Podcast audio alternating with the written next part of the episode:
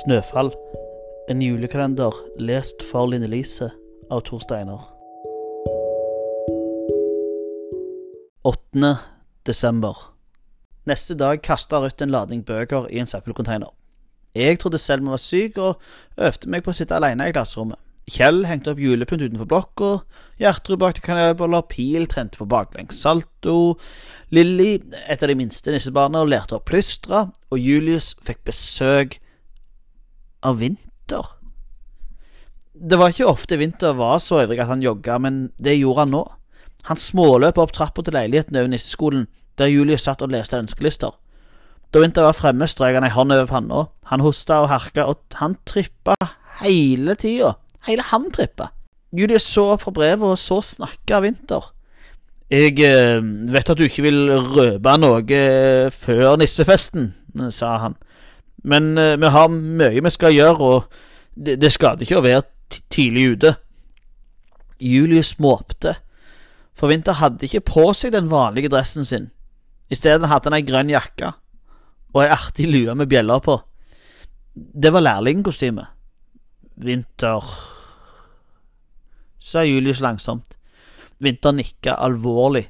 Eh, jeg vet det, det ser latterlig ut, men, men, jeg er enig med deg der. Men og altså Et av mine forslag er at vi dropper lua. Hvis, hvis det er i orden, da. Jeg har jo en litt annen stil enn deg.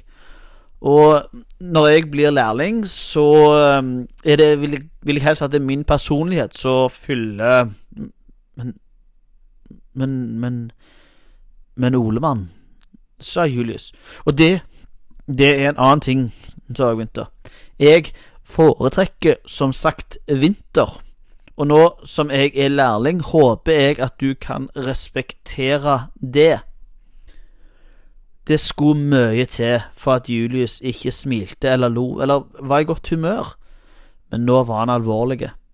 Han var faktisk trist.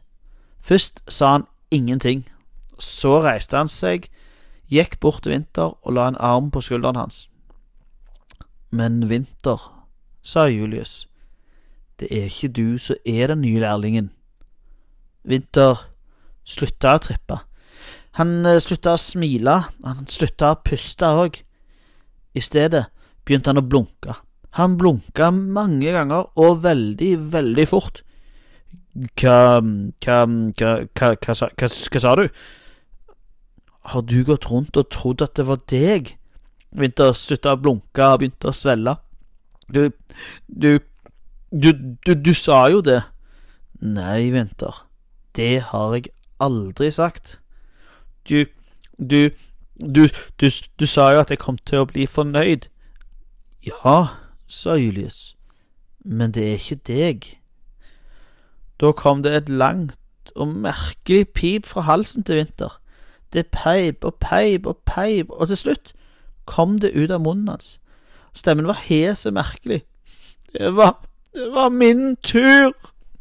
Julius sto fortsatt med armen på skulderen hans, men nå reiv Vinter seg unna. Jeg har alltid vært en god assistent. Uten meg hadde det vært en forferdelig julenisse. Det er jeg som har holdt orden på alt. Ja, og det er jeg veldig takknemlig for, sa Julius.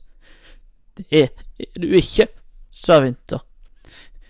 Hvis du hadde vært det, hadde jeg vært den nye lærlingen. Julius rista på hodet. Men kjære deg, du vet da like godt som meg at det er orakelet som bestemmer hvem som Å, hold tåta med det orakelet ditt, hveste Vinter. Det var min tur. Men Olemann, sa Julius, kan vi ikke Det skjedde nesten aldri at noen brølte i snøfall, men nå berølte Vinter høyt og rasende. Ikke kall meg Olemann! Så løp han ned trappa og var borte. Julius ble stående et øyeblikk uten å helt vite hva han skulle gjøre. Først tenkte han at han skulle gå etter, men så tenkte han at han skulle la være. Så la han hånda i jakkelomma, og der fant han noe.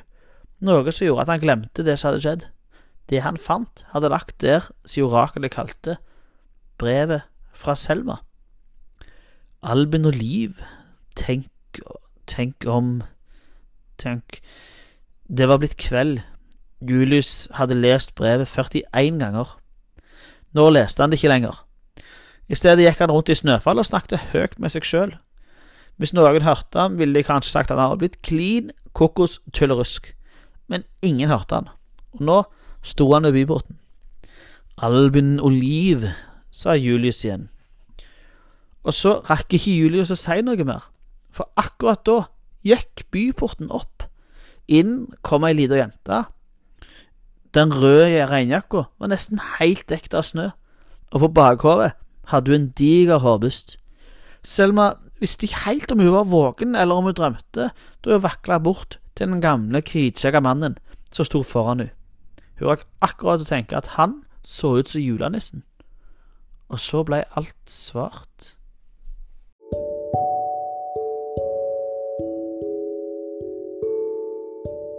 Følg med i morgen for neste episode.